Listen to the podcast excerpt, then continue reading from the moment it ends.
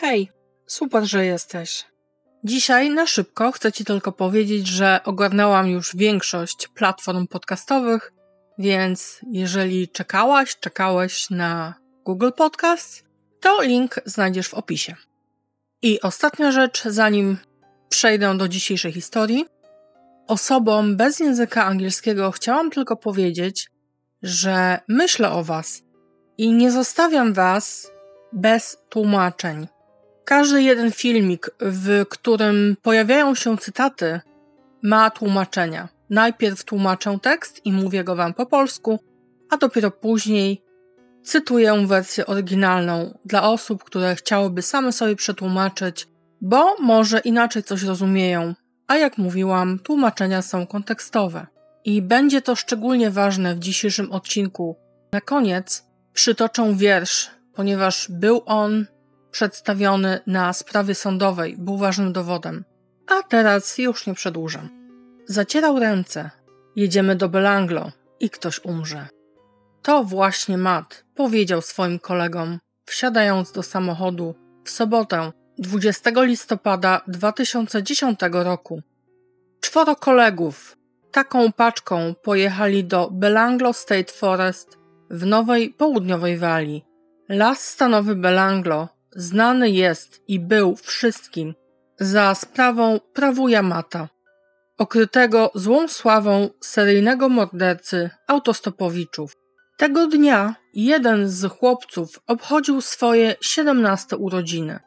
David J. Octoloni, urodzony 20 listopada 1993 roku, był wesołym, miłym chłopcem, który dobro widział absolutnie w każdym. Dorastał w Bargo, miasteczku w Nowej Południowej Walii. Uwielbiał jeździć na swoim skuterze i na deskorolce. W jego pokoju można było zobaczyć zabawkowe motory i konsolę do gier. Choć nastolatek był blisko z matką Donną Locke, to na co dzień mieszkał i wychowywał się u dziadków Sandry i Davida Actoloni. Chłopiec przyszedł jedynie w odwiedziny, ale po rozwodzie rodziców został z dziadkami. Był uroczym brzdącem, który nie sprawiał żadnych kłopotów. Choć uważał każdego za przyjaciela, bliżej związał się z trójką kolegów, z którymi całymi dniami przesiadywał na ławce na końcu ulicy. Sandra, babcia chłopaka, przypomina sobie jedną sytuację, która sprawiła, że zaczęła baczniej przyglądać się znajomym wnuka i nie chciała, by miał cokolwiek wspólnego z jednym z nich, z Matthew. David był u matki, gdy do Sandry podszedł Matt. Zatrzymując się tuż przy jej twarzy, zapytał kobietę, czy wie, kim on jest odpowiedziała: Jesteś Matt Mulman. Na co on stwierdził: Nie, jestem Matthew Millat. Po tej sytuacji babcia chłopaka powiedziała mu wprost, że nie lubi jego kolegi, bo wprowadza u niej niepokój i jest jakiś dziwny. Zapytała, czy ten zdaje sobie sprawę, kim jest jego koleżka. Zapytała, czy wie, z kim jest spokrewniony. David odparł tylko: O, ty we wszystkich widzisz tylko złoczyńców. To nie tak, odparła Sandra. Ale proszę cię, byś w jego towarzystwie był bardzo, bardzo ostrożny, bo coś z tym chłopakiem jest nie tak. David jednak współczuł koledze i jego rodzinie tego, przez co musieli przechodzić, przez wzgląd na działania Iwana wiele lat temu. Pewnego dnia Sandra usłyszała kłótnię za domem. Wyszła i zobaczyła, jak Matt trzyma ręce na Davidzie i go popchnął. Kobieta podeszła do kłócących się nastolatków, nakazała wnukowi natychmiast wracać do domu, a do Mata powiedziała: A ty wsiadaj do auta i zabieraj się stąd żebym cię tu nigdy więcej nie widziała. Ten się wściekł i podbiegł do niej. Jak kiedyś zatrzymał się tuż przy jej twarzy i odparł: Nikt nie będzie mi mówił, co mam robić. Sandra nie dała się zastraszyć, odepchnęła go od siebie i raz jeszcze kazała mu zmiatać. Od tego czasu Matthew przyjeżdżał pod dom Octoloni trzy razy dziennie, hamował spiskiem opon i kręcił bąki na ulicy. Zwyczajnie próbował ich zastraszać, prześladując ich. Wnuczek niewiele sobie z tego robił i nadal beztrosko spotykał się z kolegą, mimo zachowania tamtego. Do czasu tej tragicznej nocy koledzy znali się od czterech lat i spędzali ze sobą długie godziny każdego dnia. Tamtej pamiętnej soboty David spędził poranek z matką. Śmiał się, rozmawiali, był szczęśliwy. Później zabrał swoją kartkę urodzinową i pieniądze, które dostał od Donny i poszedł do domu dziadków, w którym mieszkał. Na małe przyjęcie wpadł jego najmłodszy wujek. Chłopak dostał torta i wszyscy świetnie się bawili.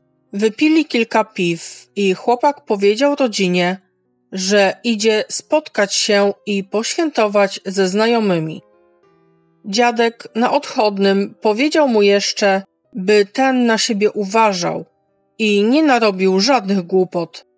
Dziadkowie byli przekonani, że chłopak wraz z innymi spędzi wieczór na tej samej ławce co zawsze, śmiejąc się, wygłupiając i zaczepiając dziewczyny. Zamiast na ławce, David skończył wieczór 40 minut jazdy samochodem dalej, w Belanglo State Forest. Chłopak spotkał się z Chase'em i w dwójkę poczekali na Mata i Coena. We czwórkę pojechali kupić trochę narkotyków i alkoholu, a następnie udali się do wspomnianego wcześniej ogromnego lasu stanowego. W teorii to tam mieli w spokoju dokończyć wieczór, bez niebezpieczeństwa, że policja zbyt szybko zakończy typową imprezę nastolatków. W końcu 4000 hektarów to wystarczający obszar, by ich wygłupy i hałasy nikomu nie zakłócały ciszy nocnej. Zatrzymali się jeszcze po drodze po coś do jedzenia i ruszyli na miejsce. David wprawdzie był trochę podejrzliwy, ale Matt powiedział, że chciałby zobaczyć płyty pamiątkowe po zbrodniach z lat dziewięćdziesiątych. Donna, matka Davida, próbowała dodzwonić się do syna następnego dnia. Nie udało się. Próbowała też w poniedziałek, również bezskutecznie. Dwa dni bez wieści, zarówno w stosunku do niej, jak i do dziadków, wzbudziły niepokój. Babcia była pewna, że co jak co, ale ukochany wnuczek dałby znać, odezwałby się w ciągu dwóch dni. To zachowanie było do niego niepodobne. Ricky Hennessy, sierżant detektyw policji w Nowej Południowej Walii, był jednym ze śledczych prowadzących sprawę morderstwa. To on przesłuchiwał Chase'a zaledwie dwa dni po tragicznych wydarzeniach w lesie. Chase Nathaniel Day był osobą, dzięki której ta sprawa tak szybko ujrzała światło dzienne. Chase, jeden z czworga nastolatków, którzy udali się do Belanglo świętować urodziny Davida, siedząc w małym pokoju przesłuchań, był wyraźnie przygnębiony. Siedział z boku biurka. Detektywi zaś siedzieli skierowani twarzami do siebie. Mimo tego, że tylko na niego zerkali, chłopak wydawał się być wystraszony a ręce skrzyżował na klatce piersiowej w obronnym geście. Ledwie powstrzymywał płacz. Chłopak nie wytrzymał wspomnień o horrorze, jakiego był świadkiem. Poszedł do ojca i opowiedział mu, co wydarzyło się zaledwie dwa dni wcześniej. Ten bezzwłocznie zabrał syna na posterunek policji w Borough. Ricky poprosił Chase'a, by ten się przedstawił pełnymi danymi, a następnie poinformował chłopaka, że jest on aresztowany na podstawie swojego udziału w zbrodni. Chłopak zrobił to, o co został poproszony, przedstawił się, przeliterował nazwisko i opowiedział, jak 20 listopada 2010 roku wraz z trzema kolegami pojechali do Belanglo State Forest. Jednak zamiast imprezy, alkoholu i narkotyków był świadkiem mrożącego krew w żyłach morderstwa. Osiemnastolatek zeznał, że tego wieczora, będąc już na miejscu ich wycieczki, solenizant siedział na przednim siedzeniu i robił skręta, a koledzy z tyłu śmiali się z niego, że coś mu nie wychodzi. Matthew i Cohen wysiedli z samochodu, podeszli do bagażnika i otworzyli go. Następnie Matt zawołał do siebie Davida. Chase widział jeszcze, jak David podchodzi do tyłu, a na jego twarzy malują się zdziwienie i strach, gdy zobaczył zawartość bagażnika. Matt nie zastanawiał się długo.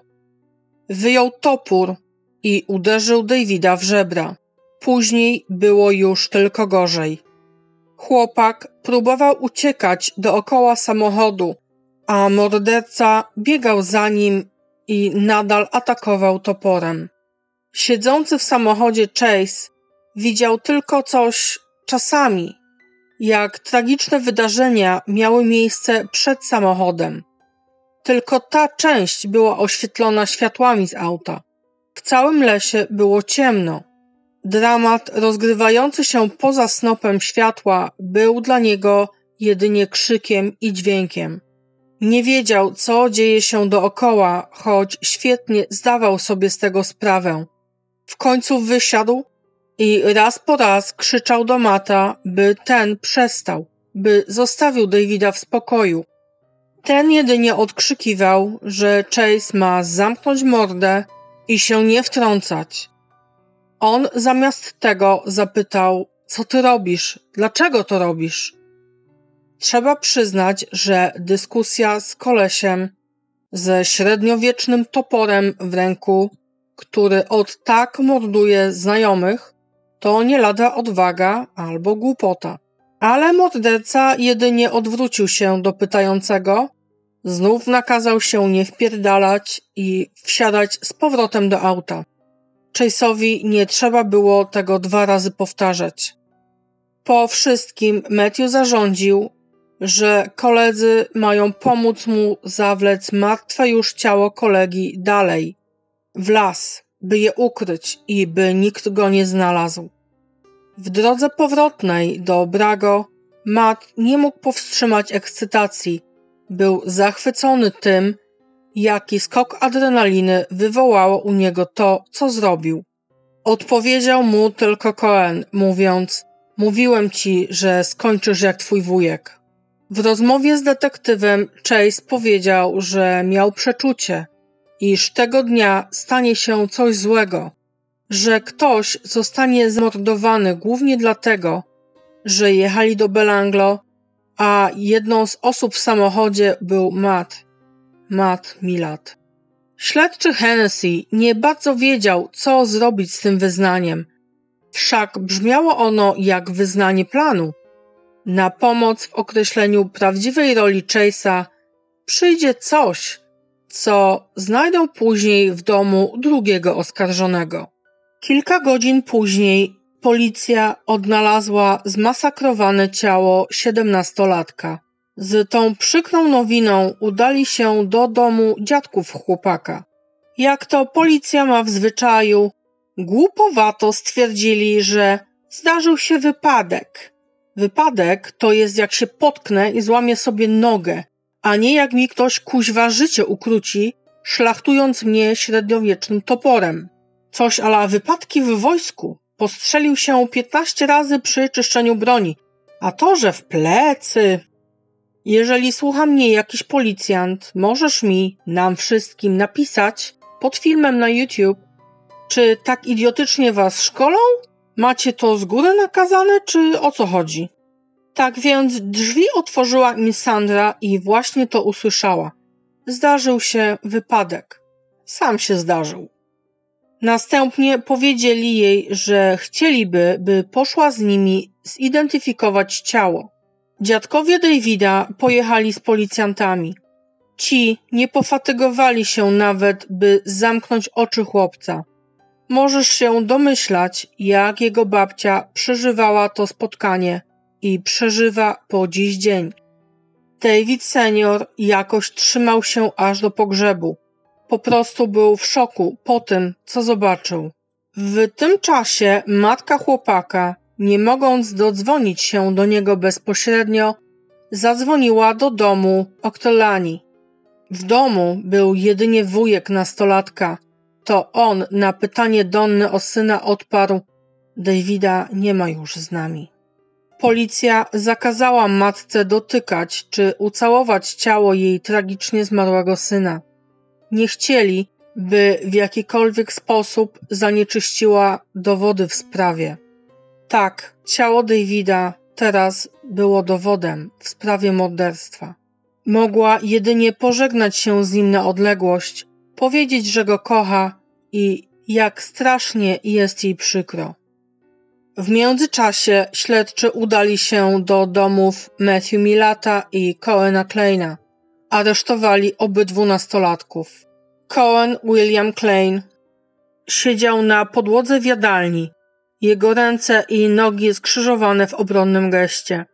Wokół niego stało kilku detektywów. Po podaniu pełnych danych przesłuchanie przeniosło się do pokoju chłopca.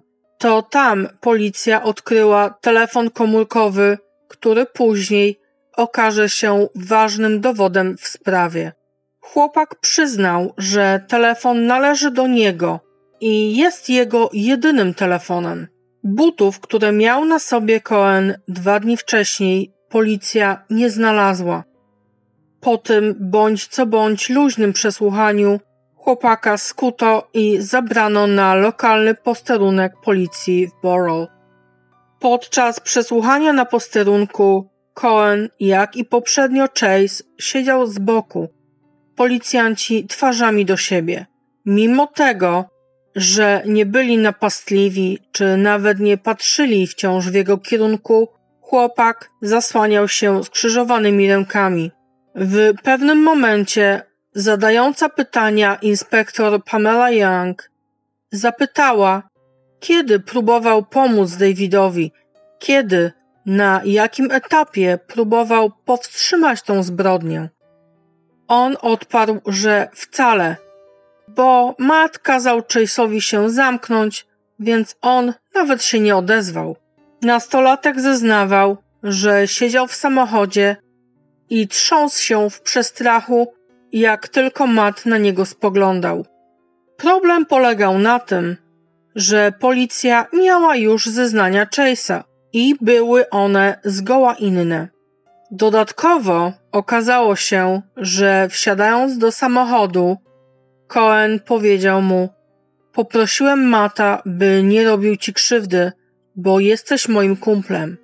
Na pytanie detektywa Ricka, czy poprosił o to samo względem Davida, ten odparł: Nie, było już za późno. Matthew Millard urodził się w grudniu 1992 roku jako Matthew Millman. Jego ojcem był Peter Murphy, a matką Deb Millman. Był uroczym malcem z blondloczkami. Wyglądał jak mały cherubinek. Jego rodzice rozeszli się albo przed urodzeniem malca, albo niedługo później, ponieważ chłopak dorastał już nosząc nazwisko ojczyma Scotta.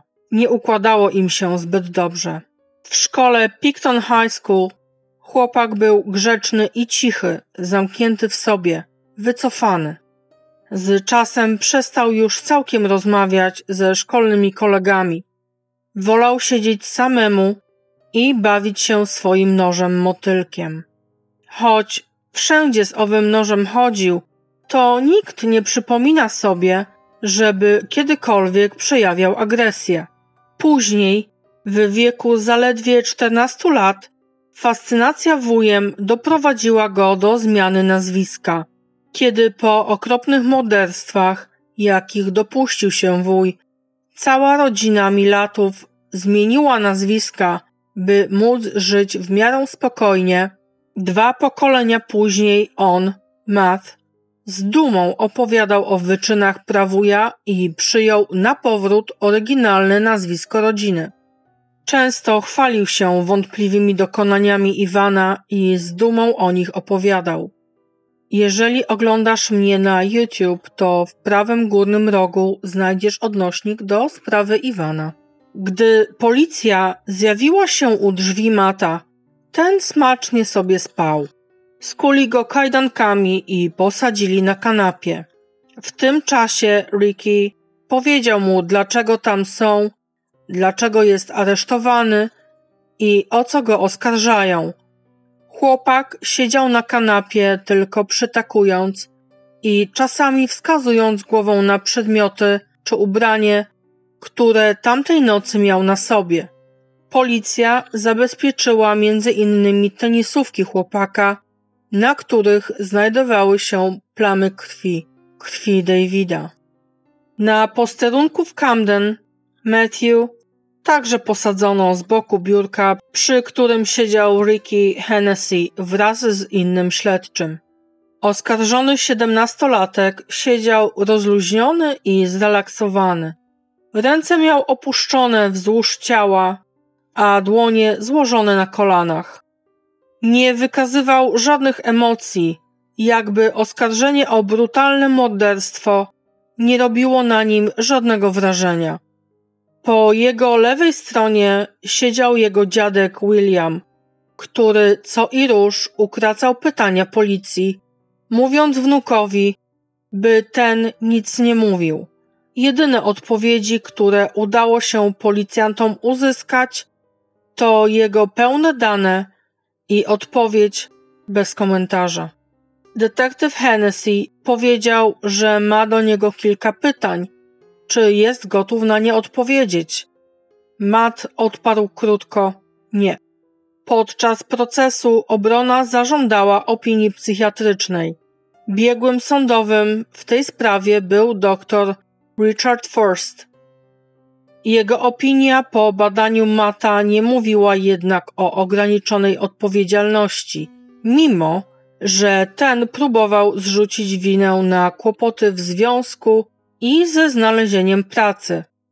Mówił też lekarzowi, że jest zestresowany, bo używa narkotyków. Jednak siedemnastolatek dobrze i z czystym umysłem zaplanował to morderstwo. To nie była ani furia, ani afekt, ani nawet przypadek. Pamiętasz, jak powiedziałam, że u Coena znaleziono telefon komórkowy, a on przyznał, że to jego własność? Był on wyczyszczony. Cokolwiek znajdowało się na aparacie, zostało skasowane. Jednak technikom udało się uzyskać utracone dane, a to, co na nich zobaczyli, przyprawiło ich odreszcze. Skasowane pliki to nagranie, nagranie morderstwa Davida Octoloni, nagranie, którego istnienia chłopak zaprzeczał. Zaprzeczał, że cokolwiek nagrywał. Wierzył, że skasowane pliki nigdy nie ujrzą światła dziennego. Więc podczas kolejnego przesłuchania 4 stycznia 2011 roku kłamał. Adwokat siedzący z nim w pokoju przesłuchań nie reagował. Nagranie było tak drastyczne, że nigdy nie zostało podane do opinii publicznej. Ale wynikało z niego jasno, że Chase nie kłamał, że naprawdę chciał powstrzymać Mata, chciał, by ten przestał, chciał pomóc Davidowi. Wrócił do samochodu dopiero, jak nie na żarty wystraszył się, że za chwilę sam zostanie ofiarą. Sam dostanie toporem. Na nagraniu słychać między innymi, jak morderca wydziera się do swojej ofiary. Jak mogę ci wierzyć, he? Jak mam ci wierzyć? Tamten odpowiada: Możesz, możesz. Później słychać już tylko ostatnie ciosy toporem, zziajany oddech Davida, znów ciosy i ciszę. To Cohen przez cały ten czas stał obok samochodu i nagrywał całe zdarzenie. Całe 15 minut przemocy. Kilka miesięcy później, 27 czerwca, pewien spacerowicz z Brago natknął się na portfel Davida. Leżał przy jednym z okolicznych jeziorek, zwanym Mermaids, czyli Syrenki.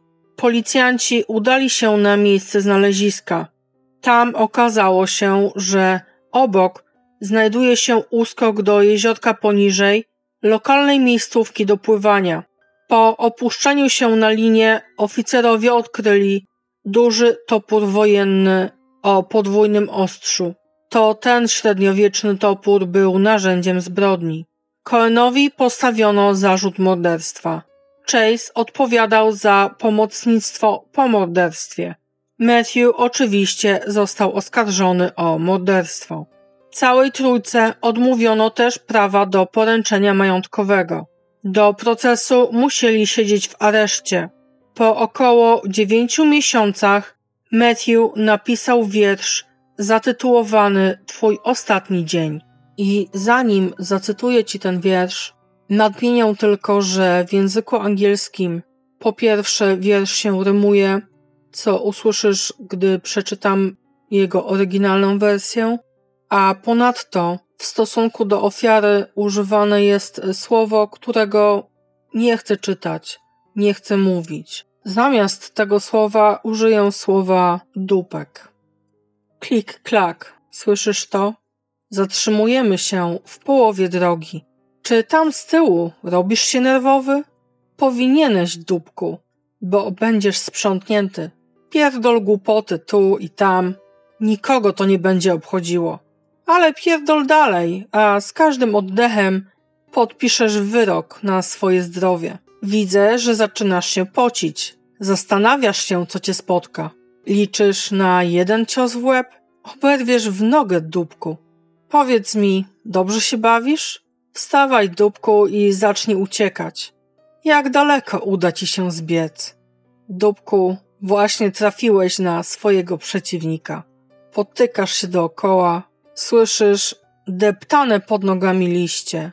Poczułeś, jak na chwilę zamarło ci serce? Uda ci się uciec? Nie licz na to, dzieciaku. To twój dzień. Dzień, w którym nikt cię nie odnajdzie. Dwa metry pod ziemią. Click clack. Hear that? Stopping in the middle of the track.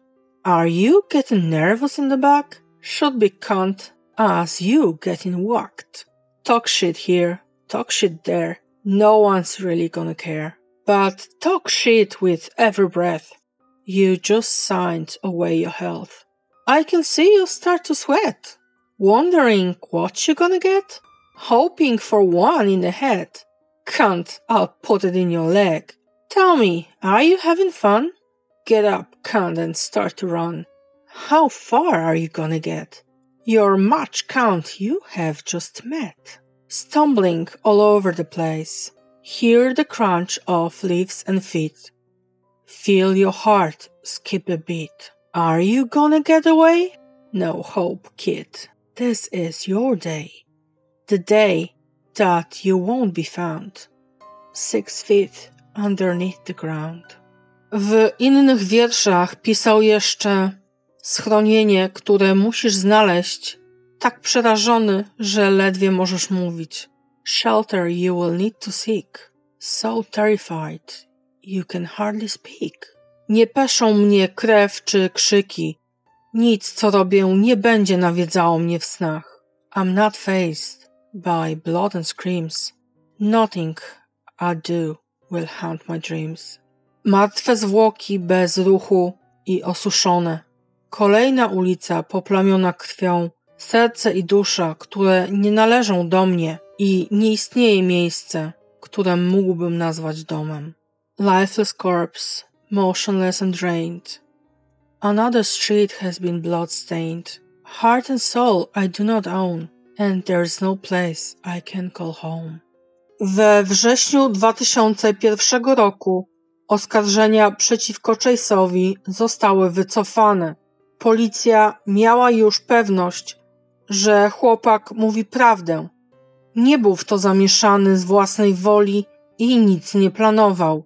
Sierżant Hennessy skontaktował się z dyrektorem oskarżeń publicznych i razem zdecydowali, że nie oskarżą chłopaka. Chcieli jedynie, by ten zeznawał. Podczas zeznań wszystkich oskarżonych obecny był jeszcze inspektor Mark Newham. Cohen Klein i Matthew Millard zostali oskarżeni przez prokuratora koronnego Lloyda Baba. Przyznali się do winy. Przesłuchanie końcowe odbyło się w Sądzie Najwyższym w Sydney 21 maja 2012 roku. W tym czasie Matt przekazał rodzinie Actoloni jednostronnicowy list zawierający przeprosiny za to, co się stało. Nie za to, co zrobił, a za to, co się stało. Wiesz, mówiliśmy o tym. Samo się dzieje. Rodzina odrzuciła zarówno list, jak i rzekome przeprosiny. Bliscy ofiary, jak i sędzia doskonale pamiętali wiersz napisany przez mordercę. Wiedzieli też o tym, że po morderstwie Matthew chwalił się znajomym, że zrobił to, z czego znana jest jego rodzina. Wyrok został wydany 8 czerwca tegoż samego roku, a sędzią orzekającym była June Matthews. Obrońcy nastolatków argumentowali, że ponieważ chłopcy są młodzi, mają zaledwie 17 lat i nie mają wcześniejszych zatargów z prawem, powinni dostać łagodne, niskie wyroki. Sędzia Matthews nie łyknęła tych ckliwych oświadczeń obrońców, ani wspomnienia o liście z przeprosinami. Powiedziała wprost, że wiersz napisany w areszcie świadczy o tym, że Matt świetnie się bawił, męcząc i torturując Davida, że zaplanował wszystko dokładnie i z pełną stanowczością, łącznie z tym, że wyśmiewał strach swojej ofiary. Nie było mowy o nieplanowanej zbrodni lub jedynie próbie zastraszenia chłopaka, jak próbowali wszystkim wmówić obrońcy. Cohen Klein otrzymał wyrok 32 lat z przymusowym okresem odsiadki 22 lat. Matthew Millard otrzymał wyrok 43 lat pozbawienia wolności z możliwością ubiegania się o zwolnienie warunkowe po 30 latach odsiadki. Jest to jeden z najsurowszych wyroków wydany na osobę nieletnią. Dodatkowo sędzia odrzuciła wniosek obrońców o zatrzymanie Matthew Milata w ośrodku poprawczym i nakazała zamknięcie go z dorosłymi przestępcami w normalnym więzieniu. Sędzia Jenny Matthews, wydając wyrok, powiedziała: W ostatnich dziesięciu minutach swojego życia zmarły był obiektem niemal niewyobrażalnego dręczenia i tortur zadawanych przez Milata. Niemal niemożliwym jest, by wyobrazić sobie terror, na który skazany był zmarły. To było całkowicie bezsensowne i brutalne morderstwo. On odebrał życie niewinnego młodego człowieka, który miał nieszczęście być jego kolegą w całkowicie brutalny sposób ku własnej uciesze.